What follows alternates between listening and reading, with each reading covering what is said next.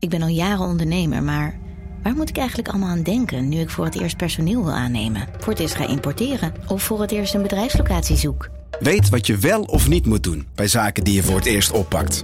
Check kvk.nl voor praktische stappenplannen. KVK, hou vast voor ondernemers. Al 125 jaar kwaliteit voor jou thuis met Miele. Dat vieren we met jou.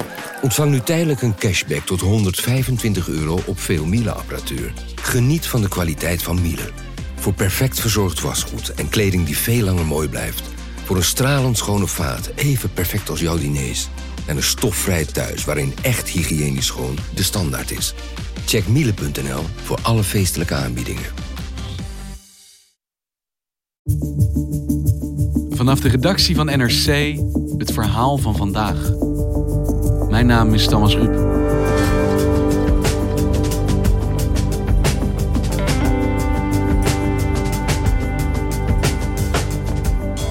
Afgelopen week kwamen in New York de landen van de Verenigde Naties voor de 74ste keer bijeen. Maar de organisatie staat in zijn huidige vorm onder druk. The United Nations is not a friend of democracy. It's not a friend to freedom. En dat blijft niet zonder gevolgen, zag redacteur geopolitiek Michel Kerris. Gaan de VN de 75 wel halen?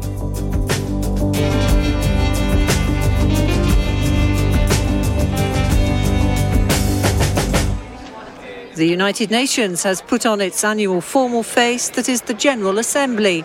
It's where the world's leaders can raise issues important to them. This year, the 74th session comes amid simmering tensions in the Middle East and concerns over climactic issues. The day began with Brazil's far right president delivering a combative speech. In Michel Kerris. Hey Michel, is er met Thomas? Thomas, goedemorgen. Hey, ja, goedemorgen voor jou dan. Waar uh, tref ik je? Ik uh, ben in New York op mijn hotelkamer in uh, Manhattan, dichtbij het hoofdkantoor van de VN. Om voor de een week lang de algemene vergadering van de Verenigde Naties te verslaan. Je moet je ongeveer voorstellen, net zoals het Prinsjesdag in Nederland het politieke seizoen opent, opent hier in september ook het vergaderseizoen. En dan komen allemaal regeringsleiders en ministers naar New York om de wereld toe te spreken en vooral ook om met elkaar te spreken. Get ready for gridlock. It's perhaps the most dreaded time of the year for drivers in Manhattan. The annual UN General Assembly forcing street closures and lots of traffic for the next week. Het is eigenlijk een beleg van een klein deel van Manhattan. Uh, dat VN-complex dat ligt aan het water, aan de East River. En alle straten daaromheen die worden uh, afgezet voor verkeer. These officers are waiting to take President Trump when he leaves home over to the UN or wherever he needs to go today. Als uh, Donald Trump met zijn motorcade van 30 auto's uh, zich door de stad uh, beweegt, dat is het moment dat iedereen vreest. Dat heet een, dan krijg je een zogenaamde freeze.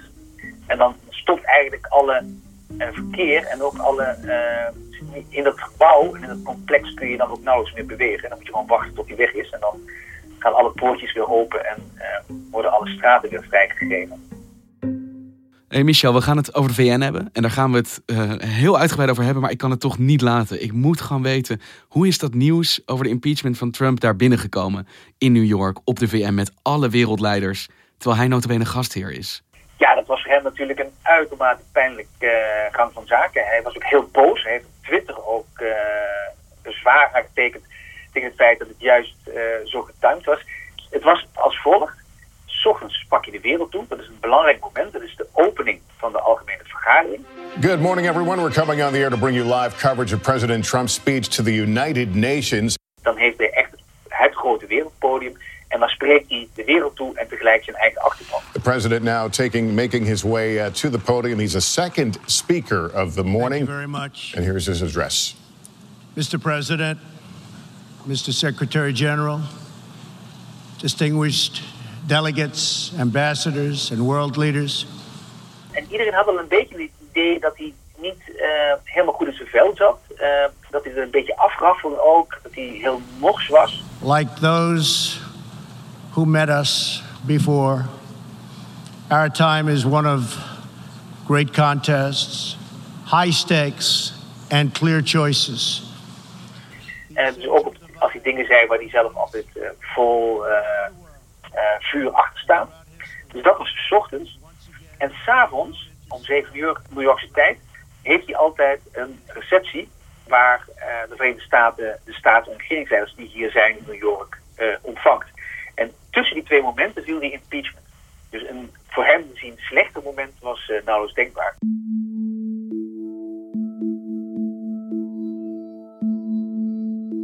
En al die nationale problemen eventjes aan de kant schuivend. Wat stond op het spel, deze VN-top? Wat waren de grote internationale thema's waar het hier over ging?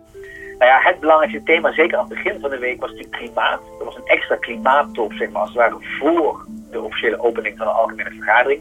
En ik denk dat niemand het omgaan zal zijn dat hier ook uh, Greta Thunberg uh, sprak. My message is that we'll be watching you. In een hele emotionele toespraak die tot heel veel discussie heeft geleid all come to us young people for hope. How dare you? You have stolen my dreams and my childhood with your empty words. And yet, I'm one of the lucky ones. En als je zegt dat dan dit jaar in 2019 klimaat misschien het overkoepelende thema is, lukt het dan om daar iets aan te doen? Komt er overeenstemming tussen al deze landen op zo'n top? Nou, kijk, in de VN wordt dit jaar precies al 25 jaar uh, vergaderd over klimaat. Dat is inmiddels uitgegroeid tot een, een heel overlegsysteem met uh, jaarlijks toppen van experts en milieuministers. Maar goed, iedereen weet, nu gaat het om dat we tot actie moeten komen. En secretaris-generaal Antonio Guterres, die was uh, eind vorig jaar op zo'n reguliere klimaattop. Die was Polen en die dacht van, mijn hemel, dit gaat echt veel te langzaam. The climate emergency is a race we are losing. But it is a race we can win if we change our ways now. Er zijn hier geloof ik deze week 360 bijeenkomsten, grote en kleine. En ik geloof dat 90 daarvan gaan over, op een of andere manier over het klimaat. Uh, dat trekt heel veel aandacht. Maar eigenlijk is iedereen in gedachten, vooral bij de crisis in het Midden-Oosten, uh, bij Iran en de relatie met de Verenigde Staten en de relatie met Saoedi-Arabië. En gek genoeg, dat staat niet op de officiële uh, VN-agenda's. Maar in de wandelgangen wordt daar heel veel over gesproken. Trump sprak erover tijdens zijn toespraak tot de algemene vergadering. One of the greatest security threats facing peace-loving nations today is the repressive regime in Iran. Not only is Iran the world's number one state sponsor of terrorism, but Iran's leaders are fueling the tragic wars in both Syria and Yemen. Dus er is uh, officieel heel veel aandacht voor klimaat, maar uh, in gedachten is iedereen uh, bij Iran. En gisteren had je een verhaal op de voorpagina van NRC over het mogelijke IS-tribunaal. Dat heb je daar opgedaan bij de VN, toch? Ja, nou, het was, Nederland heeft uh, samen met Irak een uh, bijeenkomst belegd op donderdagochtend. om samen met een aantal andere landen te praten over de mogelijkheden om IS-strijders in Irak te berechten.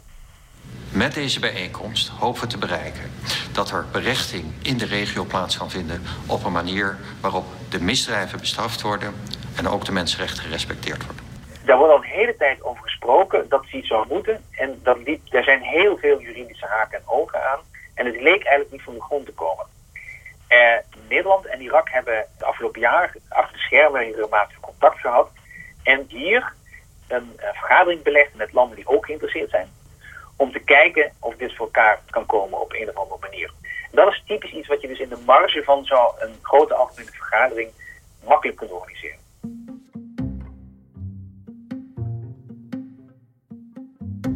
En dit is dus de 74ste keer dat zo'n VN-top wordt gehouden. En lijkt dit nog een iets op hoe dat er vroeger aan toe ging? Nou ja, kijk, er is natuurlijk in de jaren heel veel veranderd. Hè? Kijk, laten we even bij het begin beginnen. De VN zijn opgericht in 1945 in San Francisco. At San Francisco, 200 men and women of 50 nations labored to build an organization that will outlaw war for all time. Het doel was heel duidelijk. Hè? Men wilde oorlog vermijden uh, en zocht een opvolger voor uh, de League of Nations, die inmiddels gesneuveld was. Nation by nation, the delegates cast their votes. 50 peoples pledged to peace. Het was natuurlijk eerst redelijk bescheiden. Er waren 51 leden, geloof ik, in het begin. En nu zijn het er 193. En uh, dat kwam omdat uh, je natuurlijk na de oorlog kreeg je de fase van de dekolonisatie en kwamen er steeds meer zelfstandige landen bij die systematisch allemaal lid werden van die VN. Dus het groeide en het groeide en het groeide. En toen in 1989 de muur viel, toen dacht iedereen, ah, nu begint een betere wereld. Nu kunnen we eindelijk dat prachtige model van die VN dat we hebben, kunnen we nog veel meer landen uh, uitrollen. Dus ze gingen heel veel meer uh, taken op zich nemen. Dus het werd steeds groter en groter en groter. En die toppen groeiden natuurlijk ook steeds meer daardoor. En wat zijn nou de grote prestaties die die VN, die Verenigde Landen bij elkaar voor elkaar gekregen hebben in de wereldgeschiedenis? Nou ja, kijk, je kunt natuurlijk zeggen, aan de ene kant hebben ze bijgedragen aan eigenlijk kort gezegd een beter leven voor heel velen. Er is heel veel gedaan aan hulp voor wat destijds ontwikkelingslanden heette. En het was natuurlijk een plek waar mensen elkaar konden ontmoeten. En er is natuurlijk altijd dan de hoop dat je uh, door met elkaar te spreken bijtijds uh, conflicten kunt ontzenuwen voordat het echt helemaal fout gaat. Nou, dat is één visie. Maar het is ook zo dat tegelijkertijd altijd heel veel kritiek geweest is op die club. Het zou te westers zijn. Uh, het, is, het zou corrupt zijn.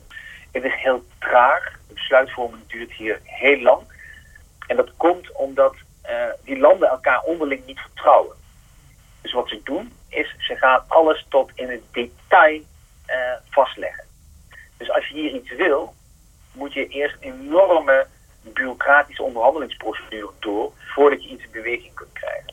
En hoeveelste keer is het dat jij zelf op zo'n VN-top aanwezig bent? Uh, even denken, dit is mijn uh, vierde keer. En is er iets te zeggen in vergelijking met die andere jaren over het algehele gevoel dat je daar krijgt? Eigenlijk is de, uh, 2015 was eigenlijk nog een vrij goed jaar voor het internationale overleg. Uh, toen de klimaatverdrag van Parijs is gekomen. Maar ja, goed, met de verkiezing van Donald Trump en met steeds machtigere China verandert de situatie hier heel snel. Trump die ziet die hele VN eigenlijk niet zo zitten. If you want freedom, take pride in your country. If you want democracy, hold on to your sovereignty. And if you want peace, love your nation. The future does not belong to globalists. The future belongs to patriots.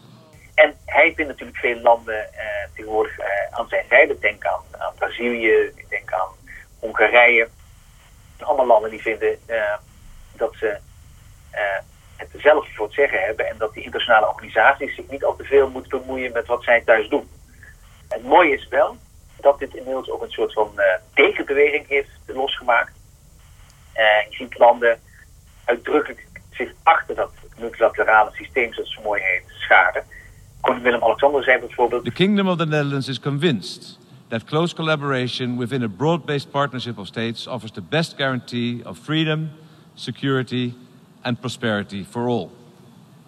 Ja, het klinkt natuurlijk heel manmoedig dat Willem-Alexander uh, ja, zich zo achter de VN en internationale samenwerking schaart. Maar als Trump echt meent wat hij zegt en echt doorzet uh, met het tegenwerken van de VN, dan wordt het wel een lastige positie, denk ik. Hij is nou een gastheer. Nou ja, de, de koning vertolkt eigenlijk wat een, een standaard Nederlands standpunt is. Het staat zelfs in de grondwet in Nederland dat we ons inzetten voor internationale samenwerking. En hij herhaalde dat. Maar hij vond het belangrijk om dat juist nu te herhalen en juist nu in de VN dat gewoon een keer te zeggen. Omdat iedereen voelt dat het systeem uh, kraakt. We believe it is vital to express that clearly here at the General Assembly, given the pressure this cooperation is under.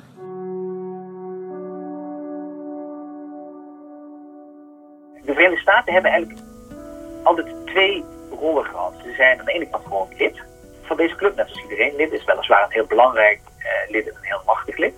En, maar tegelijkertijd is die VN ook een beetje hun idee. En zij uh, faciliteerden eigenlijk ook nog dat hele systeem.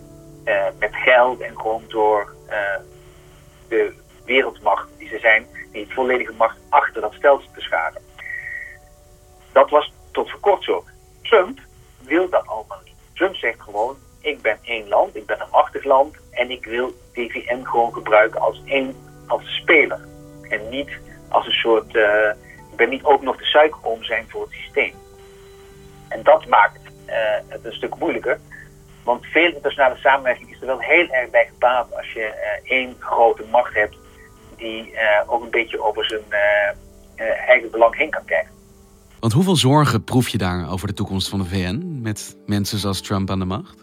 Nou ja, je kunt het heel duidelijk uh, merken aan uh, mensen waarschuwen gewoon openlijk. En daarnaast, en dat maakt het ook niet makkelijker, uh, is China een andere rol gaan innemen. China was hier eigenlijk altijd vooral de ontvanger van ontwikkelingsgeld en schaarde zich heel vaak achter Rusland en hield zich een beetje koest. Nou, die tijd is helemaal voorbij. China komt duidelijk op voor zijn eigen belangen. En je ziet natuurlijk de afgelopen jaar dat China en de VS steeds vaker op elkaar botsen. En dat is eigenlijk ook de grote angst van secretaris-generaal van de Verenigde Naties, die dus in zijn toespraak deze week ook zei van hè, dat is de grote scheuring uh, tussen die twee. There is a new risk looming on the horizon that may not yet be large, but it is real. I fear the possibility of a great fracture the world splitting in two. Als die twee landen zo hard tegenover elkaar komen te staan, dat alle andere landen gaan kiezen, hoor ik in het ene of hoor ik in het andere kamp, ja, dan heb je dadelijk twee enorme blokken die lijnrecht tegenover elkaar staan. En dat maakt internationaal overleg natuurlijk nog lastiger. En moet ik het zo zien dat China eigenlijk een beetje staat te trappelen om, mocht de VS echt die rol uh, van afstaan, om daar dan in te springen in dat gat? Nou, ze nemen in ieder geval uh, de ruimte die ze kunnen krijgen. Dat krijgt natuurlijk als de, als de VS minder machtig wordt, ja, en dan staat iemand klaar met ambitie en uh, economische kracht en geld en een verhaal uh, wat anders is dan het Amerikaanse, dan is het natuurlijk logisch dat zij uh, van die ruimte gebruik zullen maken.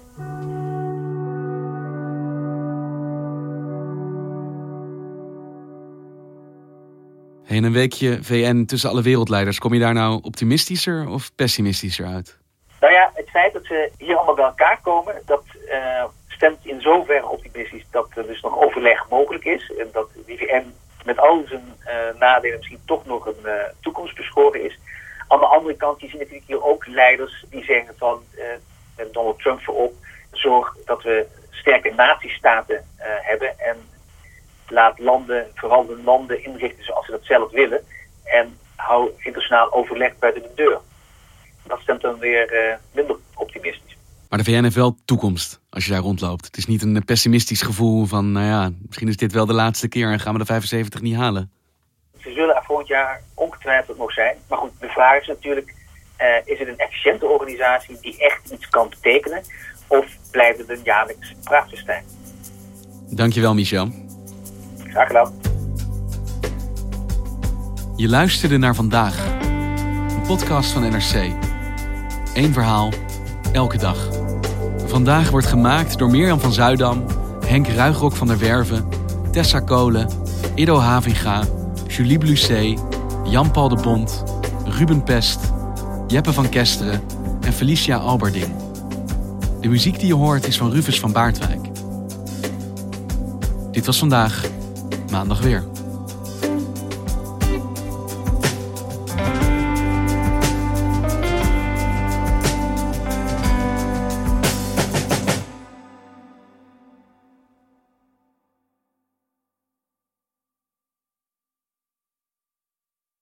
Technologie lijkt tegenwoordig het antwoord op iedere uitdaging.